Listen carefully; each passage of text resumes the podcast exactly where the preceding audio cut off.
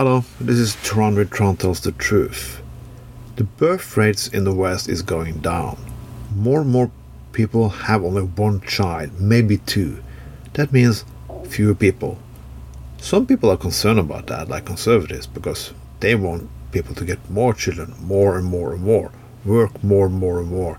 So they make those funny title idols like grow big families, work harder, work longer, say no to unions, blah blah blah blah blah blah blah.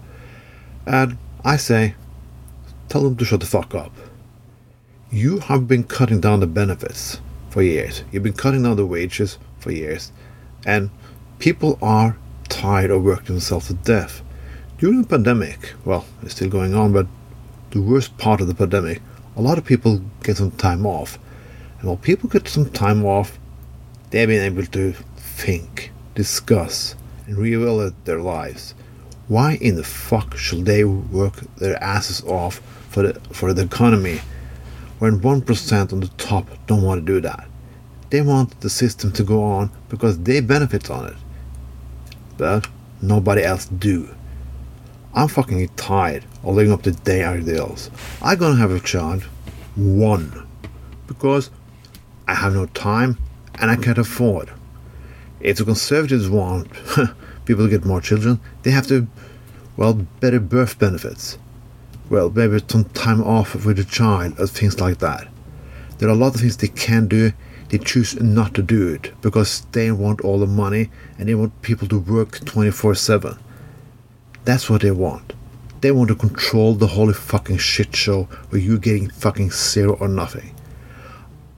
In the future, they, they, need, they say there will be more people to do the jobs. No, that's not how it works. Not exactly, because there will be a lack of people. But the people are left, they can say, we don't need this bullshit anymore.